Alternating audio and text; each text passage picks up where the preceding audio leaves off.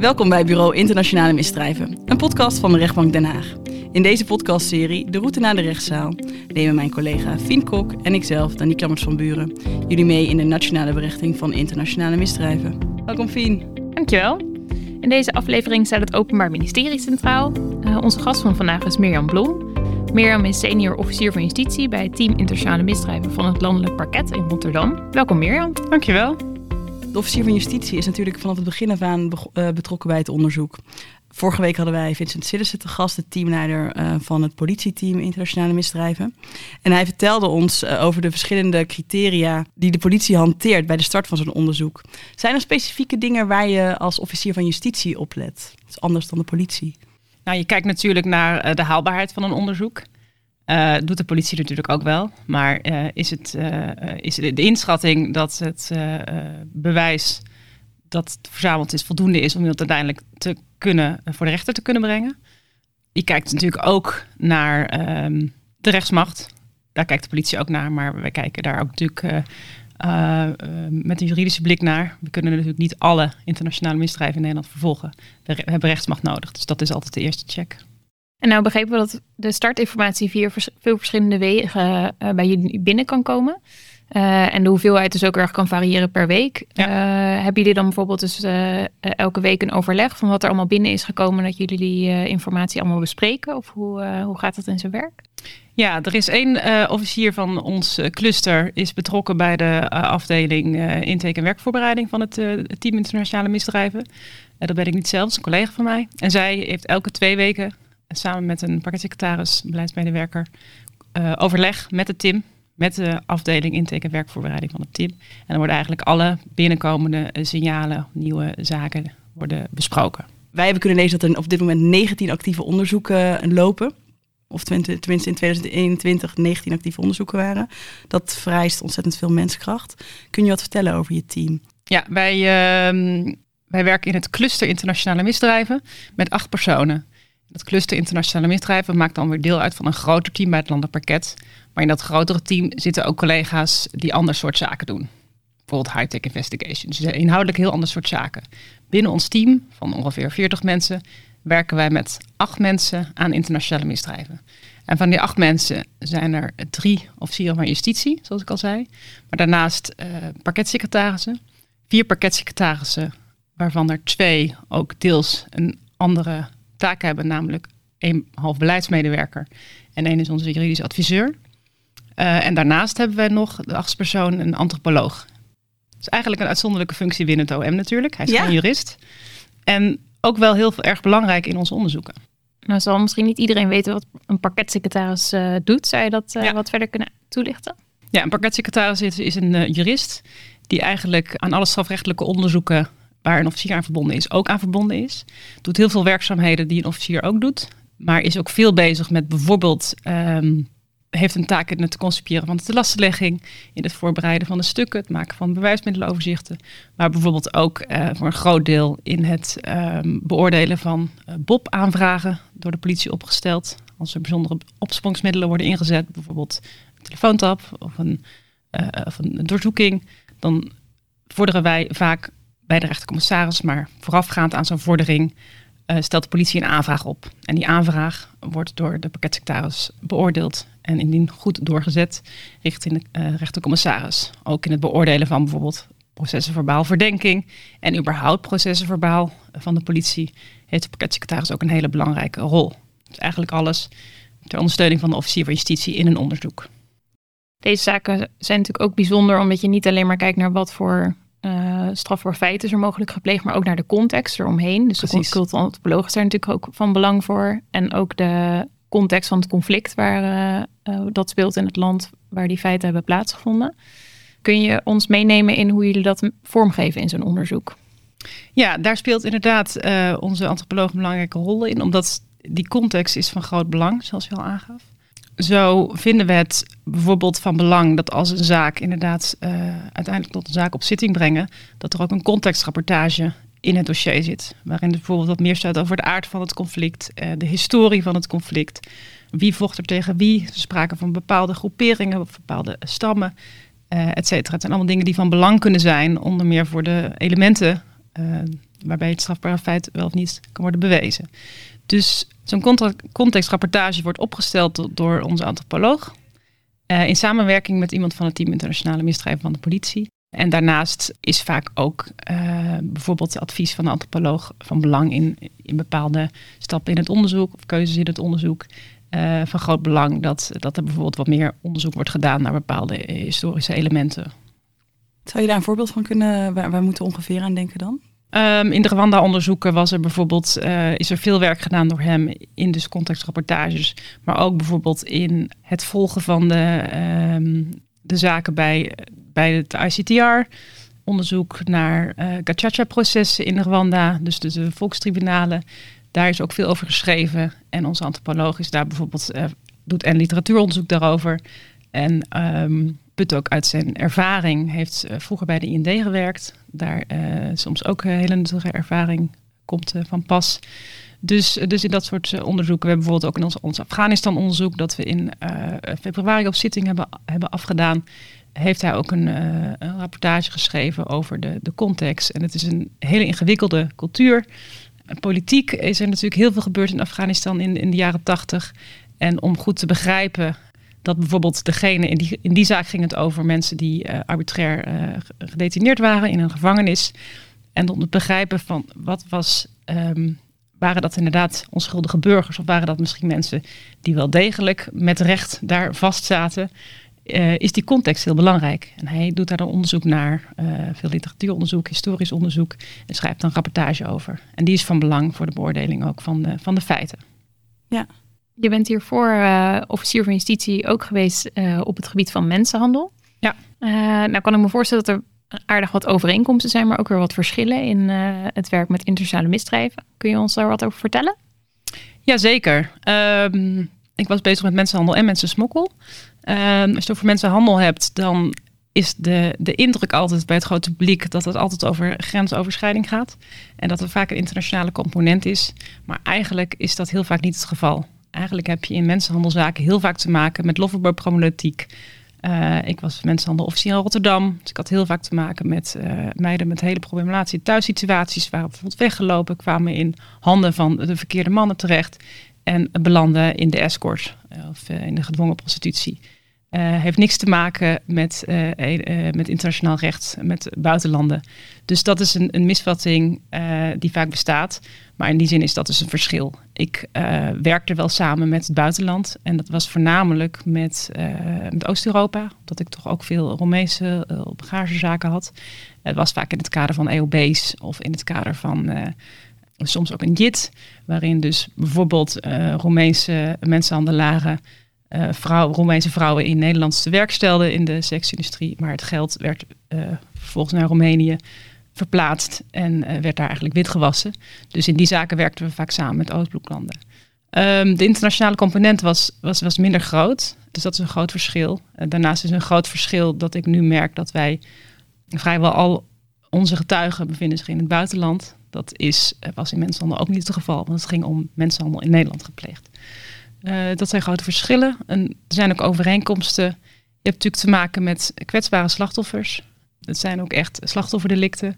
Dus dat is een, uh, een overeenkomst. Vaak slachtoffers met uh, veel problematiek, trauma's, waar veel aandacht voor moet zijn in de verhoren. Dat zie ik ook wel terug in internationale misdrijven. Ja. Hoe geven jullie dat vorm? want je refereert aan inderdaad aan getraumatiseerde slachtoffers. Um, nu doet natuurlijk de politie de verhoren, maar je refereert eraan. Hoe vertaalt die aandacht zich naar de verhoorsituatie? Uh, ja, de politie heeft daar natuurlijk wel speciale uh, training en opleiding voor gehad. Hè? Er spelen ook heel veel culturele aspecten. Dus daar is, zijn de regisseurs van het team echt, echt in ja. opgeleid en geschoold. En dat geeft ook vorm door vertrouwen te kweken. Dat is heel erg belangrijk. We hebben heel vaak te maken met slachtoffers die afkomstig zijn uit culturen waar het niet zo vanzelfsprekend is dat er vertrouwen is in de overheid. Zagen we overigens ook wel bij mensenhandelslachtoffers weinig vertrouwen in uh, overheid en autoriteiten.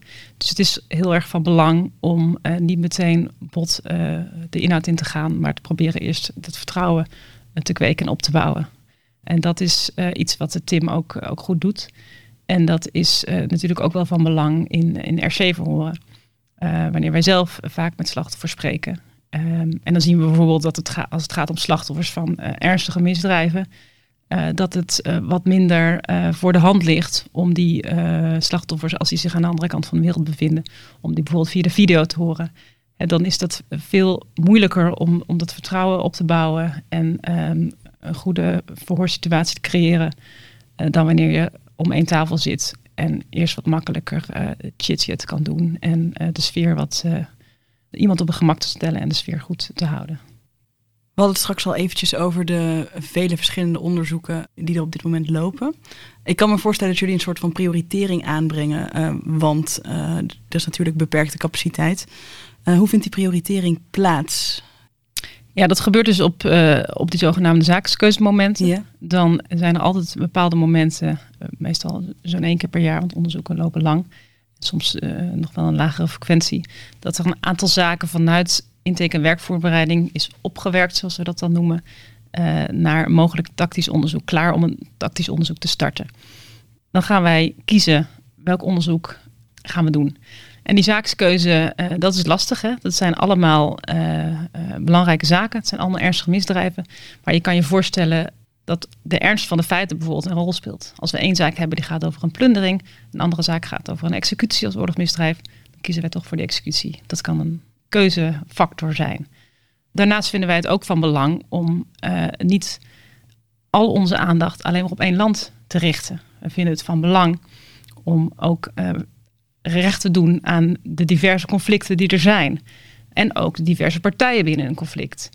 Uh, wat we nu bijvoorbeeld zien is dat wij vanuit Syrië diverse zaken hebben waarbij IS'ers werden verdacht van niet alleen deelname aan terroristische organisatie, maar ook internationale misdrijven. Maar we hebben nu ook onze eerste Syrische regimezaak. En dat vinden we ook belangrijk, want het regime van Assad heeft ook zeer ernstige misdrijven op zijn geweten. Dus dat zijn ook factoren die van belang kunnen zijn bij zijn keuze. We zijn nu best wel veel aan het praten over ehm, de start van het onderzoek en de aanloop ernaartoe allemaal. En er komt natuurlijk een moment waarop je moet gaan beslissen, we gaan over tot aanhouding. Ja. Hoe kom je daar? Hoe kom je op dat punt? Dat doen wij op het punt waarop wij denken, wij hebben nu voldoende voor de ernstige bezwaren. Want dat is op dat moment natuurlijk de toets. Want dat is de toets die de RC bij de uh, inbewaringstelling aanneemt. Soms is het zo dat er bijvoorbeeld al wel voldoende uh, verdenking en ook ernstige bezwaren is voor één feit. Als we het bijvoorbeeld hebben over een gecombineerde CTR-IM-zeik, dan zou het uh, kunnen zijn dat er bijvoorbeeld al voldoende ernstige bezwaren zijn voor een um, aanhouding op grond van 140a strafrecht, deelname aan een terroristische organisatie. Maar dat wij nog onderzoek doen naar mogelijke IM-feiten die dezelfde persoon heeft gepleegd. Dan kan je ervoor kiezen om iemand alvast aan te houden voor de 140a en parallel je onderzoek naar die IM-feiten te blijven uh, doen. Maar je kan ook zeggen, dan ik wacht even tot er meer uh, bewijs is. Maar wij hebben eigenlijk, uh, nou ja, zoals ik zei, wekelijks, twee wekelijks overleg in elke zaak met de politie. Yeah. En we hebben eigenlijk heel vaak al een, een, aantal weken of een aantal maanden van tevoren het idee van, nou, als dat en dat en dat is gebeurd, dan gaat het vaak nog om getuigen verhoren. Um, en afhankelijk van de inhoud van de getuigenverklaring natuurlijk. Maar als we nog uh, één of twee verklaringen vinden die dit vermoeden ondersteunen, dan zal de zaak rijp zijn voor een aanhouding. Maar dat weeg je eigenlijk continu af. En we zitten in de IM-zaken natuurlijk altijd met het punt van het vluchtgevaar. Als iemand op de hoogte raakt van het feit dat er een onderzoek tegen hem of haar loopt, dan is de kans natuurlijk best aanwezig dat iemand eh, de benen neemt. En als iemand geen Nederlander is, dan hebben we geen rechtsmacht meer. Dus dat is ook altijd een punt dat je in overweging moet nemen. En dat is eigenlijk altijd de afweging van eerder aanhouden met een minder sterke zaak. Om te voorkomen dat iemand vlucht. Of toch nog even wachten, al dan niet met controle. Uh, waardoor je een sterkere zaak hebt. Dus dat is altijd een ingewikkelde afweging die wij vaak moeten maken. En dan zal misschien niet iedereen weten hoe je nou dat vluchtgevaar inschat. Want uh, dat is natuurlijk een belangrijke indicatie dus ook voor mogelijk voor aanhouding. Uh, en je moet dus ook eigenlijk op de hoogte blijven van nou, hoe hoog is dat risico? Op basis waarvan schat je dat in? Op basis van uh, de inzet van botmiddelen. Ja. Ja, we houden een, een, een verdachte natuurlijk, als dat van belang wordt geacht, kunnen we een verdachte in de gaten houden. En dan kunnen we ook in de gaten houden uh, waar hij over spreekt. Of wat zijn um, kruisbewegingen zijn. Op basis daarvan wordt dat ingeschat.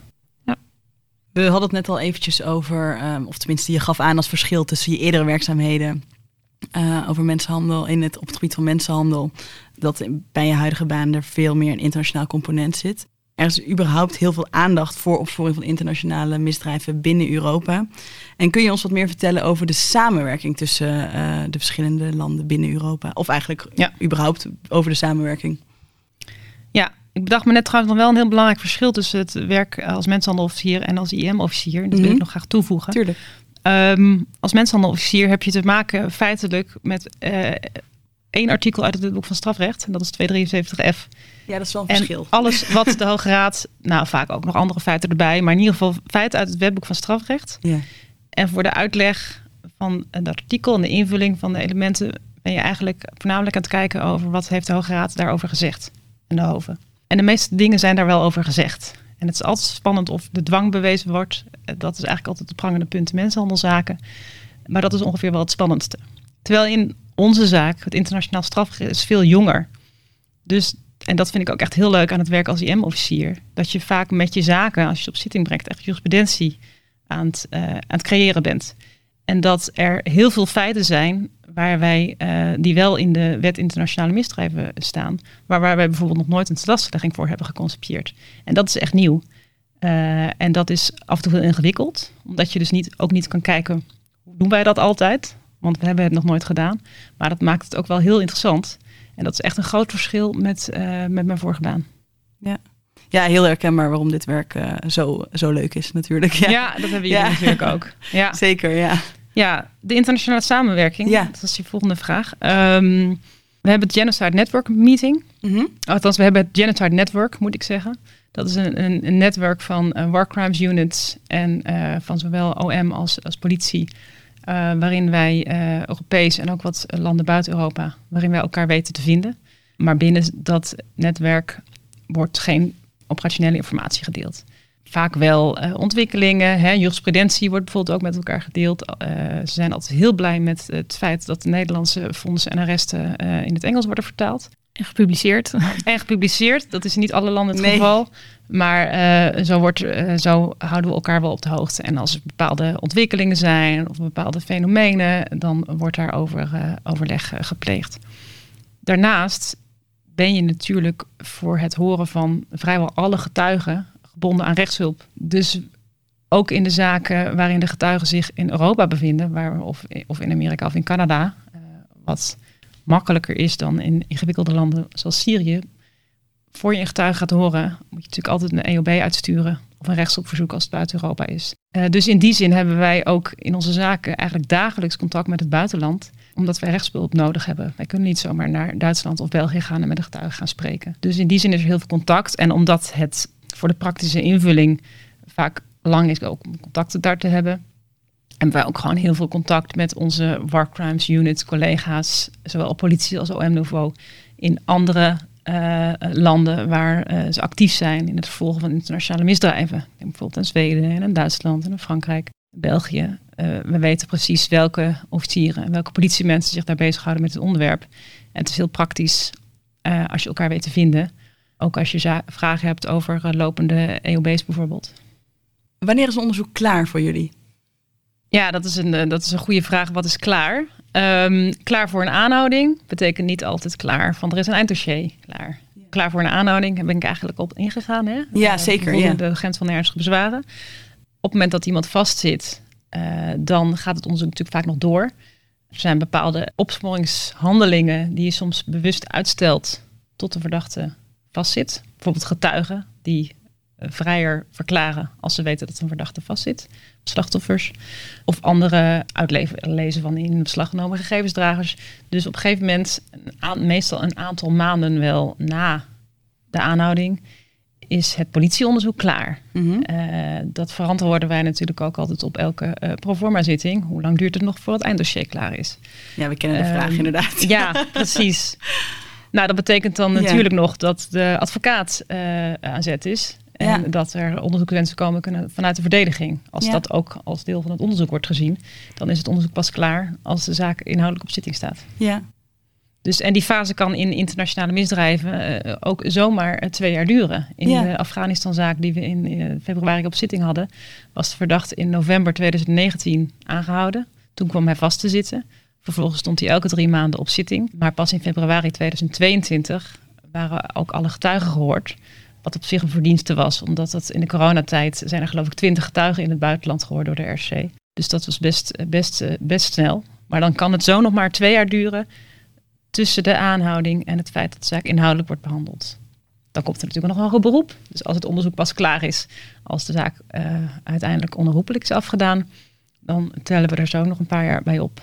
En voor jullie zelf, zeg maar voor de, de officier van justitie, ben je nog betrokken bij het hoger beroep? Zeker. Ja? Zeker. Ja, dat is eigenlijk hoe, uh, hoe groter de zaken zijn, hoe meer betrokken bent. Ik merkte als mensenhandelofficier al dat ik uh, veel contact had met de AG, de vaste mensen van de AG. Mm Ten eerste over de vraag van, moet ik zelf in appel? Maar ook als er vragen waren in hoger beroep, waar zijn we worstelen die ik misschien kon beantwoorden als de verdachte in appel was gegaan. Ik ben ook plaatsvervangend advocaat-generaal. Dus het komt ook wel eens voor dat je als tweede AG aansluit. Omdat het gewoon praktisch is. Omdat je het onderzoek al kent en de zaak kent. Altijd wel goed ook weer om een frisse blik te hebben van een andere AG. Dus het is vaak al als tweede AG dan. En ik merk ook in onze IM-zaken dat wij zeer betrokken zijn op het moment dat er een zaak naar het Hof gaat. Dus op het moment dat wij weten dat er hoger beroep wordt ingesteld door de uh, verdachte of door ons, dan doen we altijd een warme overdracht naar de AG en de parketsecretaris al daar.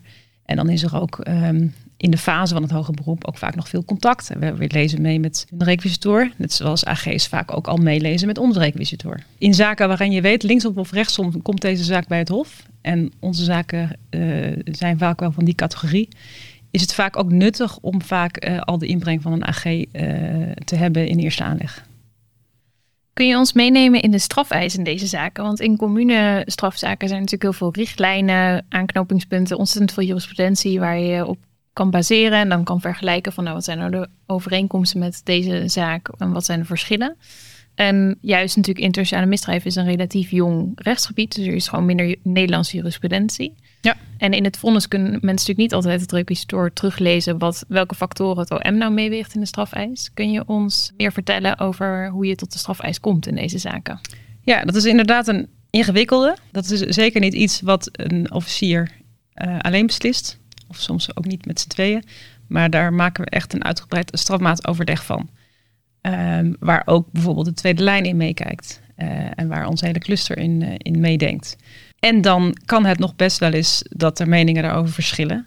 Waar kijken we nou naar? Uh, er zijn inderdaad geen, geen strafmaatrichtlijnen, ook geen oriëntatiepunten voor de rechtspraak. Dus wij kijken naar verschillende dingen. We kijken naar, zo mogelijk naar omringende landen dat vinden we eigenlijk wel, wel belangrijk. Um, als er vergelijkbare zaken zijn in buitenlanden, is dat een belangrijk punt waar we naar kijken. En natuurlijk kijk je naar de ernst van de feiten, hè, de feiten waar je, waar je altijd naar kijkt. Um, je kijkt ook wel enigszins naar de uh, tribunalen, alleen dat is toch vaak niet helemaal vergelijkbaar. Uh, maar zo maak je een. En je kijkt ook naar eigen uh, zaken, eigen vergelijkbare zaken. Want de eerste internationale misdrijven die in Nederland voor de rechter zijn gebracht, dat volgens mij in, uh, in 98 of iets dergelijks. Dus er zijn natuurlijk allerlei verschillende soorten zaken. Maar soms is het, zit er toch wel een vergelijkbaar element in. Dus je kijkt ook van wat hebben wij zelf eerder geëist? En uh, is dit in lijn ongeveer met wat we toen eisten? En wat heeft de rechtbank toen opgelegd? Wat heeft het Hof gedaan? Dus er zijn er allerlei aspecten die, die meewegen. En uiteindelijk komen we dan naar een SMO, een strafmaatoverleg, komen we tot een, uh, tot een eis. Maar dat is best een uh, proces en dat is best ingewikkeld in onze zaken. En dat hopen we zo goed mogelijk uit te leggen in ons requisitor. IM-zaken zijn vaak heftige zaken. We hebben het al even besproken. We hebben, we hebben er net al aan gerefereerd. En ook wat dat doet met slachtoffers. Maar het doet natuurlijk ook iets met de mensen die eraan werkt. Uh, wat doet het met jou? Hoe, of tenminste, hoe ga jij daarmee om? Ja, het zijn inderdaad heftige zaken, heftige feiten. Had ik natuurlijk ook als zeden en als mensenhandelofficier. Ja, tuurlijk. Ja. Ook heftige. Dus op een of andere manier zoek ik die zaken wel op. Ik lig er niet wakker van. Kan er goed mee omgaan. En wat ik altijd heel belangrijk vind, en wat ik in mijn tijd als zedenofficier ook belangrijk vind, dat als het je wel een keer heel erg raakt, en dat kan op de raarste momenten voorkomen. Als je opeens een slachtoffer op zitting hoort spreken. Of als je zelf in een slachtoffergesprek zit. Of als je op het moment dat je iets leest. Om daar ook gewoon met collega's over te spreken. En dat kan bij ons heel goed. En dat, dat, dat helpt ook altijd wel goed. En ik merk, en dat zal misschien bij de rechtbank ook wel gebeuren. zolang je alles op papier hebt en de zaak alleen maar leest en eigenlijk alleen maar met die juridische bril aan het kijken bent van krijg ik het bewijs rond, uh, dan komt het soms niet zo hard binnen. Maar op het moment dat je zelf in een RC-verhoor zit of in een slachtoffergesprek, dan kan het opeens wel binnenkomen. Zo had ik bijvoorbeeld in de Afghanistan-zaak, ik noem het maar weer, uh, een getuige voor in Duitsland van een getuige die van haar negende tot haar vijftiende vast had gezeten in een gevangenis. Alleen maar omdat haar oom de afgezette president van Afghanistan was. En ik, had, uh, ik heb zelf uh, puberkinderen. En ik dacht, een puberteit in zo'n gevangenis doormaken. En dan heb ik nog niet eens over wat ze allemaal uh, heeft meegemaakt in die gevangenis. Maar überhaupt de uitzichtloosheid. Niet weten hoe het gaat aflopen wanneer je vrijkomt. Niet weten wat er al met je familieleden gebeurt. En überhaupt de puberteit die redelijk zorgeloos zou moeten zijn. Of in ieder geval druk maken over misschien kleine dingen als, als verliefdheden en, en, en, uh, en pukkels. Zij zat vast. Alleen maar vanwege haar familieband. En dat, uh, dat raakte mij toen wel. Niet dat ik een huilen uitbarstte. Maar ik heb daar toen nog even na afloop met een collega over gebeld. En fijn over gesproken. En toen was het ook weer prima. Maar soms kan het dus opeens op dat soort momenten, terwijl ik haar verklaring al drie keer had gelezen. Dus ik wist wel, maar als, het haar dan, uh, als ik haar dat dan hoor vertellen, dan, uh, dan kan het toch indruk maken. Ja, ja. als het meer, werk, meer werkelijkheid wordt dan zeker. papieren Ja, en dichterbij ja. komt. Precies. Ja. Ja. ja, zeker. Zeker herkenbaar ook trouwens. Maar juist die heftigheid van die zaken geeft ook wel heel veel voldoening. Als ik slachtoffers spreek na een zitting, die zeggen: Het is zo belangrijk dat jullie dit doen. Want voor jullie is het misschien normaal dat iemand voor de rechter wordt gebracht, want je leeft in een rechtsstaat. Maar ik kom niet uit een rechtsstaat. En het is heel bijzonder dat zoveel jaar later, in zo'n land zo ver weg, dat iemand hier toch voor uh, ter verantwoording wordt geroepen. En als dat soort reacties uh, komen van slachtoffers, ja, dan geeft dat ook voldoening. Hoe zou je jouw uh, stijl als officier van justitie omschrijven? Even over nadenken. Ik denk dat ik uh, voor de politie toegankelijk en duidelijk ben, benaderbaar.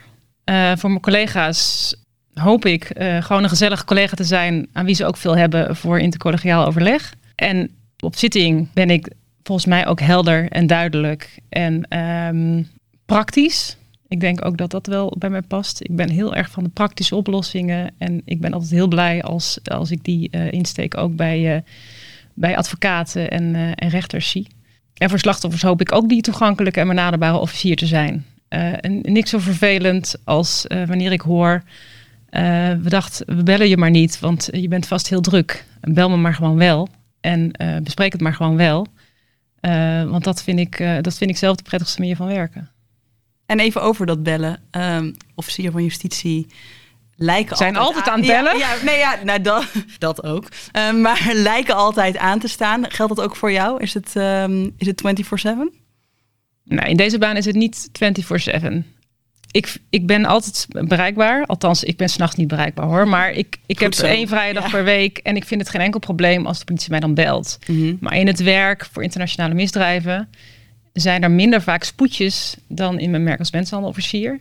En vaak als er iets speelt, dan weet je wel dat dat speelt. Ja. Dus dan wil je ook gebeld worden. Ja. Maar ik moet wel zeggen, toen ik, uh, ik heb vrijdag altijd vrij. En toen ik net IM-officier was en mijn telefoon op vrijdag niet ging, ging ik wel drie keer kijken of hij het wel deed. dus in beginsel ja. is, uh, is mijn werk nu minder 24-7 dan het was. Ja. Wat ook wel fijn is na een aantal jaar op zo'n enorm hardrijdende trein. En natuurlijk is het altijd met uitschieters. En als er een zitting aankomt of een klapdag aankomt, dan is het anders dan wanneer dat er niet is. Maar omdat die zittingen en klapdagen niet elke week zijn, zijn er ook minder uitschieters. Um, maar ik vind het wel van belang. Ik heb liever dat de politie mij wel belt en het even bespreekt, dan wanneer men niet belt en er dingen misschien mislopen. Ja. Maar ik ben ook wel weer zo, als ik op vakantie ben, dan staat mijn mail uit. Oh, goed en er zijn ook collega's die uh, altijd hun mail blijven bijhouden. Ik zeg, nee, mijn mail staat uit. En als het echt spoed heeft, dan um, heeft een collega mijn privé-nummer of ik neem mijn werktelefoon mee en de politie kan appen. Dus uh, ik ben niet zo'n workaholic als, uh, als sommige collega's. En ik weet dat de wereld ook zonder mij echt wel uh, doordraait. Het klinkt heel gezond. Ja. Ik heb wat geleerd over ja. 15 jaar officierschap. Wat heeft je eigenlijk het meest verrast aan het werken in internationale misdrijven? Ja, ik denk toch, hoewel ik dat wel wist, maar me minder had gerealiseerd, om toch al die nieuwe dingen en uh, innovatieve werkwijzen, um, nieuwe dingen uitproberen. Het feit dat je dus als je een zaak op zitting aanbrengt, dat er heel veel punten zijn waarbij het echt wel heel spannend is wat de rechtbank gaat beslissen. Wat mij ook verrast, althans de ingewikkeldheden, wist ik eigenlijk ook wel, maar als je dan daadwerkelijk mee te maken hebt, er zijn heel veel uh, ingewikkeldheden, getuigen in het buitenland, ingewikkelde buitenlanden. Hoe ga je om met sommige rapporten van NGO's? Dus er zijn zoveel dingen die nog nooit eerder zijn gedaan, nog nooit eerder zijn geprobeerd, waar je echt met je collega's moet gaan sparren en gaan brainstormen. Hoe pakken we dit aan? Daar ben ik ook wel blij verrast over. Dus we gaan je nog lang zien in de zittingszaal. Uh... Ja, want ik zit nu twee jaar bij het cluster IM, ruim twee jaar. Maar ik heb het gevoel uh, dat ik net kom kijken. En uh, dat is echt eh, wel een heel uh, belangrijk punt, denk ik, voor het werk in dit cluster. Voor je echt een beetje in de vingers hebt en voor je jezelf een expert kan noemen, dat duurt wel even. daarom ben ik ook heel blij dat wij zaken doen met een team. En wij bijvoorbeeld een hele goede juridische adviseur hebben, die ook heel veel weet van internationaal strafrecht. Terwijl toen ik studeerde, bestond eigenlijk het internationaal strafrecht nog helemaal niet. Dus er is nog heel veel te leren. We hebben als laatste vraag altijd, uh, vragen wij onze gasten of ze nog een kijk, lees of luistertip hebben. Dus ook aan jou de vraag, heb je er eentje? Ja, mijn kijktip is de documentaire Voor Sama. Dat is een documentaire van een vrij jonge, ongeveer 25-jarige uh, Syrische documentairemaakster. En zij heeft die documentaire gemaakt in uh, belegerd Aleppo. En eigenlijk is het een ode. En ze heeft die film opgedragen aan haar dochtertje Sama, die ook met haar uh, verbleef in belegerd Aleppo. Het is een heel indringend beeld en die documentaire is mij uh, altijd bijgebleven nadat ik hem heb bekeken. En dus ik vind het van belang dat, uh, dat iedereen, in ieder geval mensen die Syrië zaken doen, die documentaire bekijken. Dankjewel. Mooie tip. We gaan hem opnemen in de show notes. Dank Mirjam uh, dat je er vandaag was en uh, een kijkje hebt gegeven in uh, de wereld van nationale berechting vanuit het Openbaar Ministerie en in de rol van officier van justitie. Volgende week hebben we als gast Marleen Hendricks, rechtercommissaris in internationale misdrijven. Dit was Bureau Internationale Misdrijven, een podcast van de Rechtbank Den Haag.